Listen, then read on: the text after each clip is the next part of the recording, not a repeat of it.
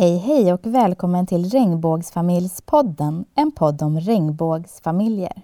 Här får du möta personer som berättar om hur de har skaffat familj och vart du kan vända dig om du vill ha råd och tips inför kommande föräldraskap.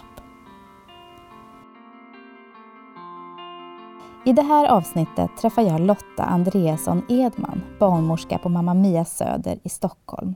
En mottagning som vänder sig till alla inom hbtq-familjen. I podden delar hon med sig av sina erfarenheter som barnmorska. Vi pratar om hur man förbereder sig inför det kommande föräldraskapet och vilka möjligheter som finns för den som vill skaffa familj. Hej Lotta Andreasson Edman, barnmorska på Mamma Mia. Hej. Vem är Lotta? Ja, Lotta är en 50-årig kvinna som, som lever med en annan barnmorska. Eh, och vi har stora barn och fått barnbarn. Eh, jag har jobbat som barnmorska i, sedan 94. Om man tittar på Mamma Mia, på er verksamhet, hur jobbar ni med hbtq-frågor? Ja, alltså hur vi jobbar, vi har ju sedan vi startade eh, 2001 så har vi profilerat oss att, att vända oss till den gruppen.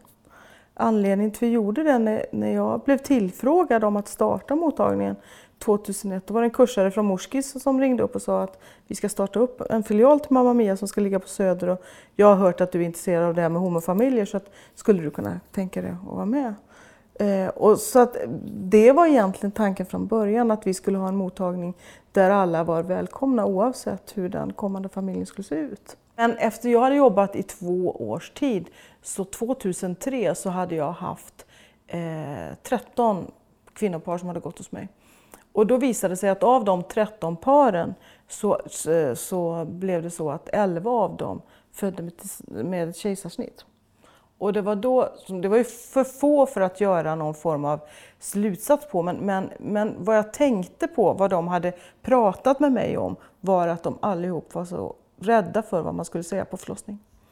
Hur kommer det se ut när vi kommer in där? Och, Eh, kommer det vara så att de ser oss som, som goda väninnor eller ett par? Eller, och hon som inte bar barnet sa, kommer de se på mig och gratulera mig som om jag vore eh, som vilken förälder som helst?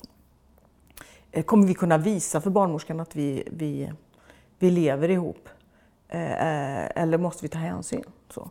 De pratade också under graviditeten om att de ville träffa andra under graviditeten därför att det fanns så lite skrivet, det fanns inga förebilder, det fanns inga tidningar eller böcker som vände sig till gruppen och att man behövde liksom ventilera frågor kring föräldraskap.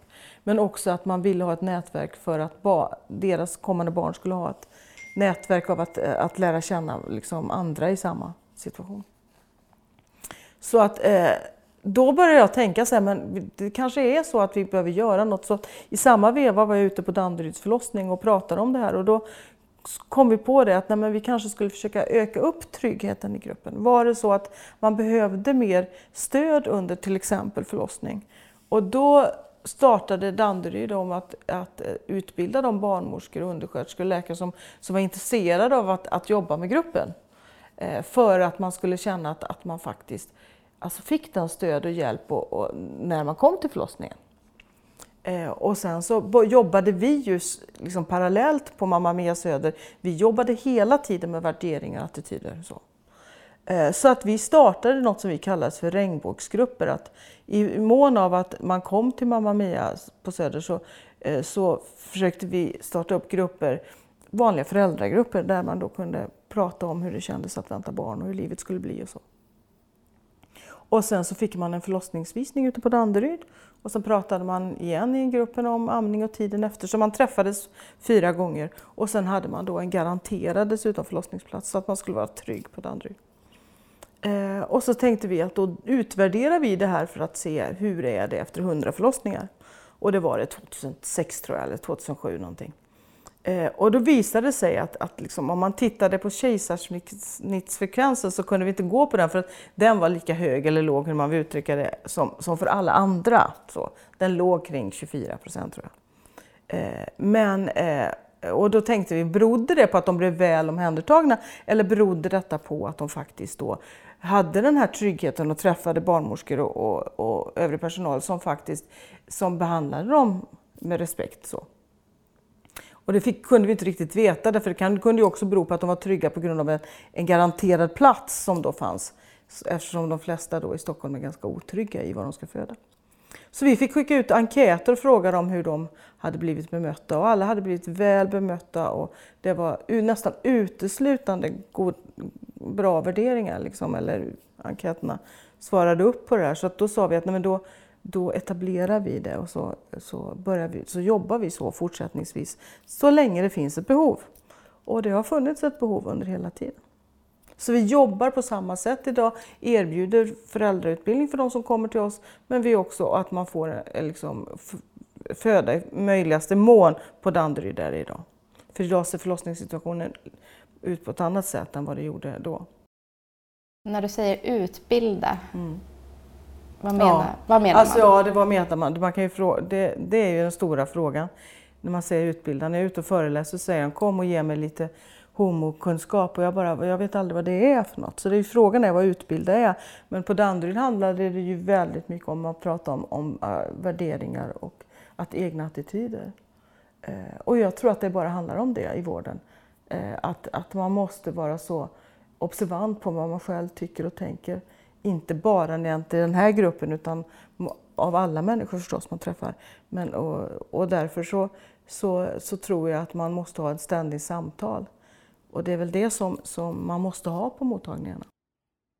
Tror du att eh, det ser annorlunda ut om man skulle föda på Södersjukhuset eller Huddinge idag? Egentligen inte. Jag tycker att det har de flesta, det finns ju väldigt många som föder på de sjukhusen och har, får väldigt goda mottaganden. Så. Eh, men men eh, jag tänker att det kanske, att det här med HBTQ hjälper oss ibland i vården genom att om vi, om vi ibland profilerar oss med det så kan, tvingas vi i, i mötet med andra människor också tänka igenom vad vi tänker och tycker. Eh, och då kan man ju säga att i ett akutjobb som, som förlossningsvård är så, så ska alla göra sitt jobb och det, där är det på ett sätt lätt lättare att förhålla sig för att vi gör ett akutjobb. Men om man har en mottagning när vi samtalar kring saker, som mödravård till exempel är, så, så tvingas man tänka mycket på vad man säger och tycker och också vilka ord man använder när man pratar. Är du ute och föreläser för barnmorskor, blivande? Ja, på många ställen i Sverige. Så. Och hur blir du mottagen där? Väl. Nej, men jag tänker att detta, det, är ju, det här ämnet i sig är någonting som intresserar de flesta. Att det har skett på, under lång tid, sen, sen, alltså på väldigt kort tid, ska jag säga, sedan 2001 och framåt, har det skett en väldigt stor attitydförändring skulle jag säga från, hos barnmorskor. Eh, när vi startade så var det då, då pratar man väldigt mycket om, om kvinnopar som, som fick barn och så. Eh, och att det ibland kunde väcka vissa frågor och, och en del var upprörda och att, att barn ska komma till inom, inom eh, familjer med kvinnor och män och så. Idag hör inte jag det på samma sätt. Idag är det mycket mer av frågor kring kön och trans som kommer. Som vi inte pratar knappt någonting om 2001. Så att mycket har hänt på väldigt kort tid skulle jag säga. När jag, när jag var klar barnmorska 94 så kom den första lärobok för barnmorskor ut och som hade en text som, när man läser upp den texten i den boken som handlar om homosexualitet så tror man inte att det är helt sant att det stod så. En text som aldrig skulle någonsin kunna eh, förekomma idag. Så, så att det har skett jättemycket på kort tid. Finns det någon motsvarighet till Mamma Mia Söder i resten av eh, Sverige? Det finns vissa mottagningar som naturligtvis har, har, har liksom gått ut och välkomnat så, men det finns ingen som, som har profilerat sig på det sättet. Eh, nu finns det ju mottagningar som är hbtq-certifierade, men, eh, så att, och det kommer ju mer och mer. Eh, men inte på det sättet så som vi har gjort det. Ja, vi har profilerat oss då med hbtq. Eh, och om vi, vi säger så här att om vi skriver in 2000 gravida om året så är, är ungefär 10 procent av dem identifierar sig inom hbtq. Så de flesta eh, vi, vi träffar är kvinnor som lever ihop med män. Men det som är tror jag, det som vi har försökt jobba väldigt tydligt med, det är att jobba med, med värdegrund och hur man jobbar med, eh, på ett, på ett eh, konkret sätt, hur man jobbar för att se varje människa individuellt. Och hur man ska stärka de man träffar för ett blivande föräldraskap. Eh, och, och där tror jag att vi skiljer oss ordentligt. Hur jobbar du då för att se båda personerna, i, eller alla personerna i en familj? Ja, alltså vårt uppdrag är egentligen att fokusera på den som är gravid. Genom att upptäcka avvikelser och se att barnet växer och så. Men sen gäller det att, att, att se alla i familjen för att stärka den här kommande familjen. Och jag, ja, jag vet inte hur jag konkret jobbar, det är väldigt svårt att svara på en sån fråga. Men jag försöker när man, när man kommer på inskrivningssamtal till exempel se alla. Eh, ibland så är det många som säger jag kom till mödravården och barnmorskan hon pratade bara med den som bar barnet. Eh, och alla andra kände sig utanför. Och det gäller ju förstås att välkomna hela familjen i samtal. Eh, Men ja, så försöker jag jobba hela tiden. Att se till att, att jag var, när vi pratar om att barnet växer i magen, att, att, att föra in alla i samtalet. Så. Och prata om hur de ser på att, att de ska bli föräldrar och, eller att de ska få fler barn till exempel. Hur det här kommer bli. Och vad, och vad de själva har för förväntningar på att, att de ska bli föräldrar till exempel. Om man tittar på um, familjebilden, mm. um, hur tror du att det skiljer sig? Jag tänker på mottagandet av att ett par berättar att man är gravid idag jämfört med tidigare. Egentligen inte. Alltså, det, det, det gäller ju på något sätt att, att eh, se för att de ska må bra så är det ju en mängd faktorer som man, som man måste... Det handlar ju inte bara om familjen, det handlar ju om den gravida, hur, hur hon lever, hur är hennes när det gäller livsfaktorer av att hur ser missbruk ut, hur socialt och så. Men också familjen, hur ser den här kommande familjen ut och hur ska de bli föräldrar? Precis som du säger, vad har de för stöttning och så det är ju en process som, vi träffar ju dem kanske tio gånger under graviditet, att man måste följa detta. Och, och, och mödravårdens uppgift är ju att upptäcka de här avvikelserna, men också att stärka och för, föra in de personer som, som ska finnas med. Och då kan man tänka, om man lever ensam till exempel, så är det ju oerhört viktigt att man ser vad finns det för kontaktnät? Hur, vad kan du få hjälp med när det här barnet kommer? Eh, kan du få avlastning och så vidare? Det är viktigt att se hur den här familjen, hur bor ni? Har ni bostad? Hur ser ekonomi ut för att det här ska funka och så? Det, det, det försöker man ju sondera redan första gången så att man sen kan hjälpa dem på vägens gång. Liksom. Men mycket handlar ju om att, att inte vara den här människan som ska ska, ska lösa det åt de som kommer utan att de inser att de har, har en stor kunskap och en stor styrka själva att klara av sitt liv. De kanske ibland behöver bara redskap för att klara av det här framåt. Så att inte vården blir en instans av där man ska lösa andras problem utan man ska gå därifrån och känna att tänk, det här klarade jag av själv. Det har vi, eller den här, jag eller, eller min kommande familj, vi har gjort det här. När man har fött barn så ska man känna att wow, jag har fött barn nu. Oavsett hur det kom ut så har jag gjort, jag är stärkt av den här upplevelsen och inte komma ut på andra sidan och tänkt det här var det värsta, jag är bara nedtryckt i skorna, det här är inte någon bra. Det är inte så vi ska jobba utan vi ska jobba att stärka det här. Och det är klart att om man då kommer in i en och träffar en barnmorska som inte ser familjen så kommer man inte att gå ut därifrån stärkt. Förstås. Att det är oerhört viktigt första gången att, att, man, att man känner att man har att, att, att jag ska bli förälder. Och är man den som inte har barnet i magen, som inte är lika konkret, för den som har barnet i magen, den får ju uppleva att nu sparkar det, här har jag den i magen. Den får ju liksom försprång från dem, för, lite försprång för de andra. Och att, men de andra ska också känna att jag väntar barn. Och där kan man säga att man, man måste lite jobba med att hur har dina föräldrar, hur upp, uppmärksammar de dig? Får du gratulationer? Hur känns det? Så. För att man ska känna att jag ska också bli förälder. Därför att det, det handlar om att förbereda sig för att det här barnet ska komma. Om ingen gratulerar, om ingen bryr sig om, om alla bara fokuserar på den som har barnet i magen så kommer partnern till exempel att känna sig utanför och inte, ha, och, och, och, och inte alls ha samma förberedelse när barnet kommer. Och kanske inte heller se på sig själv som en förälder när barnet kommer utan får jobba jättemycket med det. Och där kan man ju försöka hjälpa till på vägen så att man känner sig stärkt. Är det många som hör av sig till dig eller er? Ja. Men, och det beror ju på att det inte har funnits någon instans där man har kunnat eh, förbereda sig eller få, få, få svar. Eh, och det har varit svårt. Nu har RFSL sin eh, hbtq-familjer där man kan gå in och titta till exempel hur, man, hur ska vi rent praktiskt gå tillväga för att få barn. Eh, men så bor man runt omkring i Sverige och då har man hört talat om, om, om, oss. Så vi har ju väldigt många som ringer och säger hej, vi är från Umeå, var ska vi stå i kö?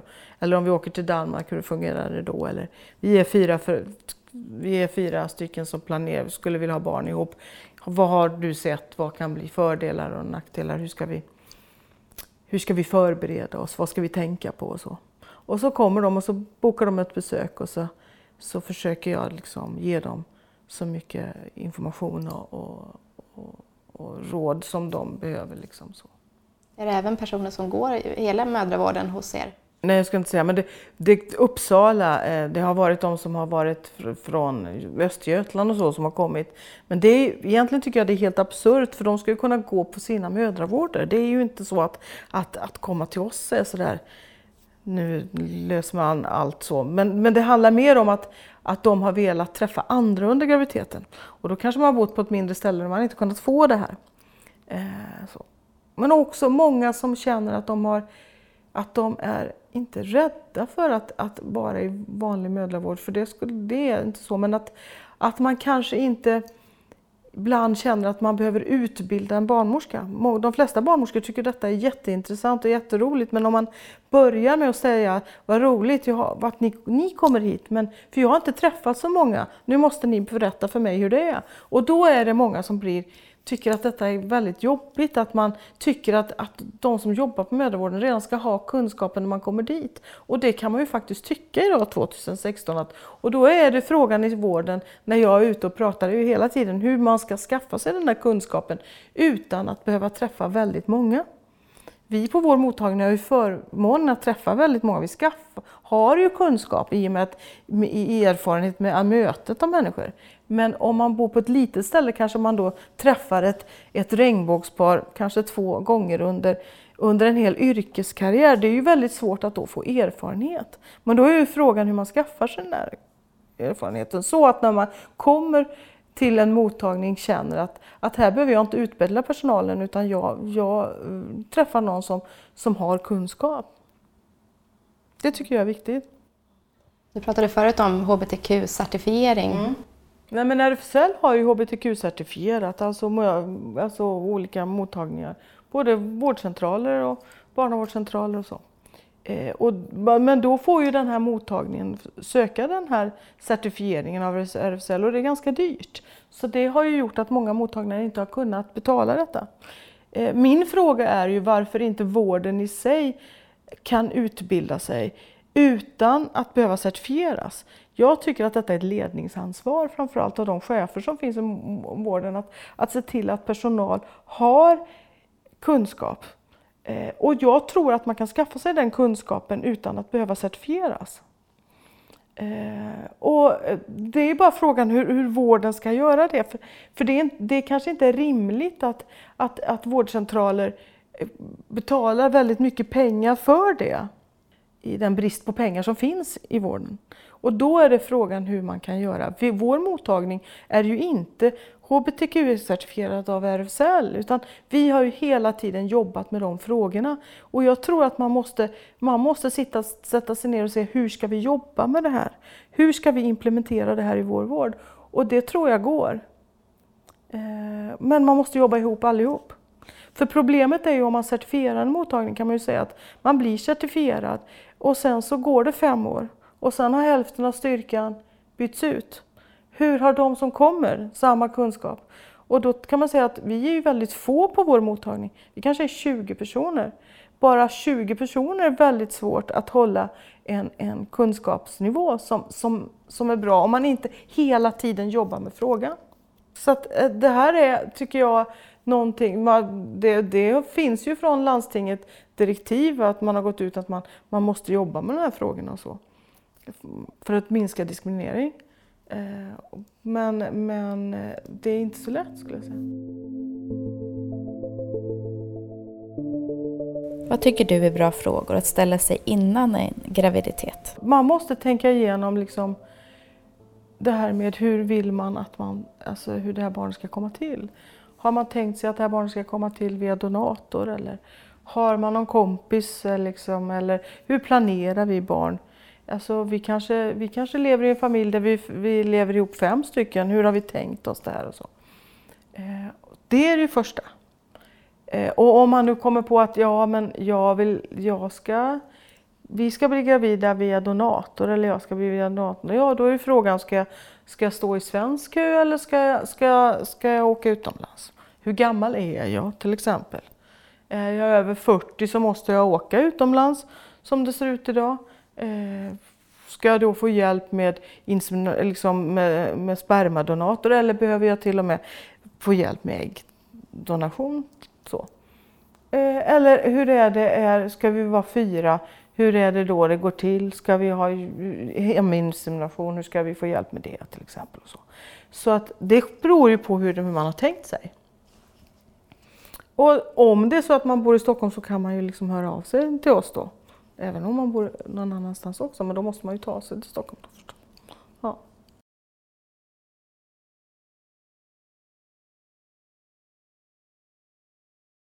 Hur ser det ut med ensamstående kvinnor? Mm. Jag tänker på lagändringen här i början. Ja, lagändringen har ju kommit och den har ju gått igenom första i fjärde. Men eh, vi vet ännu inte hur det praktiska var möjligt. Och det beror på att landstinget inte är klara med den här eh, finansieringen över hur det ska gå till. Så att, så att vi vet inte hur vi ska hänvisa idag. Är det rimligt att alla ska stå i, i kö till exempel och att köerna blir enorma på sjukhusen då? Hur är det med, eh, jag tänkte på det med juridiska mm. när man är flera. Ehm. Och det är ju det som är problemet skulle jag säga om man är fler än, än två eftersom det bara finns två vårdnadshavare, juridiska vårdnadshavare. Och där, när många kommer till mig och, och, pratar innan, de kanske är fyra stycken, så måste man ju prata om det. Hur har ni tänkt er den här juridiska biten? Och det är ju helt absurt att man då måste ställa frågan att om ni får barn här nu och, och, och ni skiljer er, hur har ni tänkt att det här ska gå till? Vilka ska få träffa barnet? Eh, att man är medveten om att de som har juridisk rätt till det här barnet kan, kan, har tolkningsföreträde också.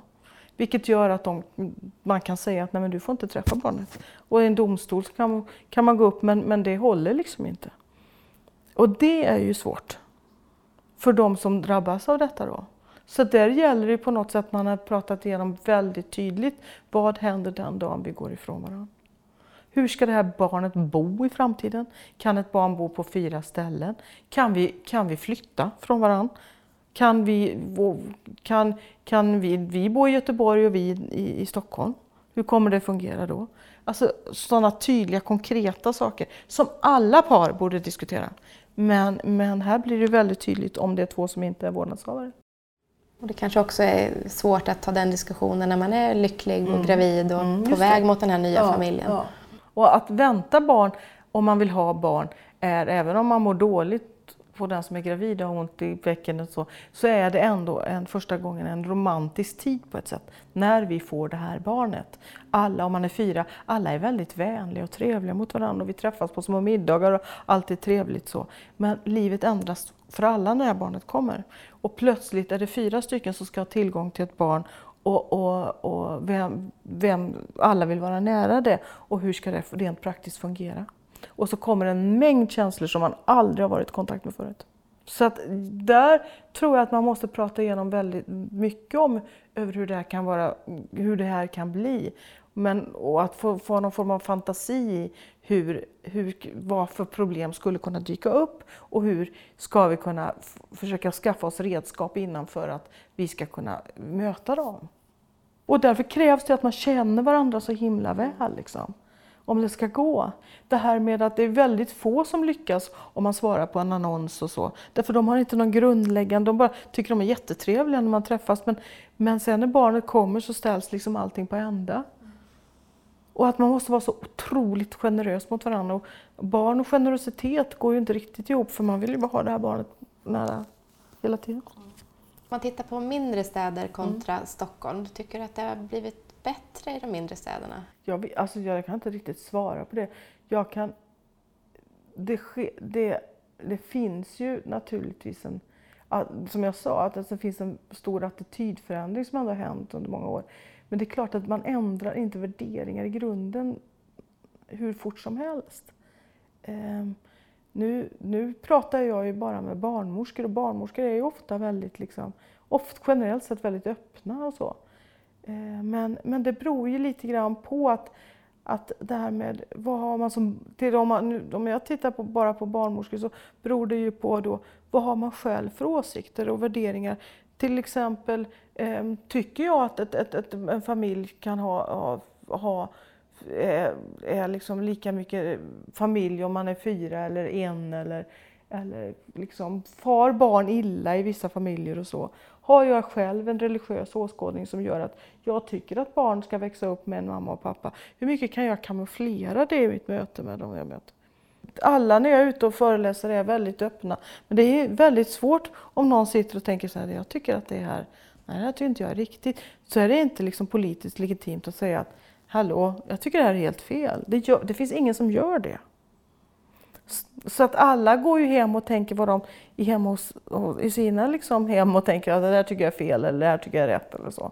Så det är ju det är en sak i att vad det är man för ut men det är ju en sak i hur det landar och vad folk har med sig. Och det antar jag är väldigt tydligt, att man, om man möter en barnmorska som har de här värderingarna, att man ser det är någon liten kommentar kanske? Ja, eller? jag tror att vi inte så... Men man måste vara väldigt medveten om att, att man inte bara... Man, man, det, man, det är inte bara det man säger som förs fram utan man visar ju tydligt med kroppsspråk och hela sitt sätt att vara att nej, det här var inte riktigt, det här föll liksom inte i god jord när jag sa det här. Och så. Och där, där tänker jag att, att, att vi får ju, där får man jobba med att, att vara väldigt tydlig i vad är det man signalerar. För jag tror att hbtq-gruppen är mer på sin vakt när man träffar vårdpersonal än andra. Vad är det, vad, vad, vad, vad signalerar man? Därför man har oftast gått på patrull offra, om man tittar till transgruppen så förstår jag att de har gått på patrull i vården hur mycket som helst. De har ju blivit satta under lupp för alla folks människors tyckande och tänkande. Och jag förstår att man har taggarna utåt man hamnar i vården idag.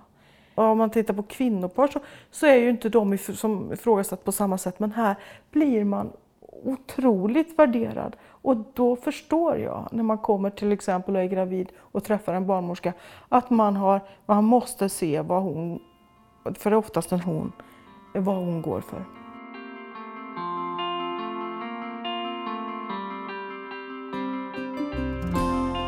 Tack snälla Lotta Andreasson. Varsågod. Mm, tack.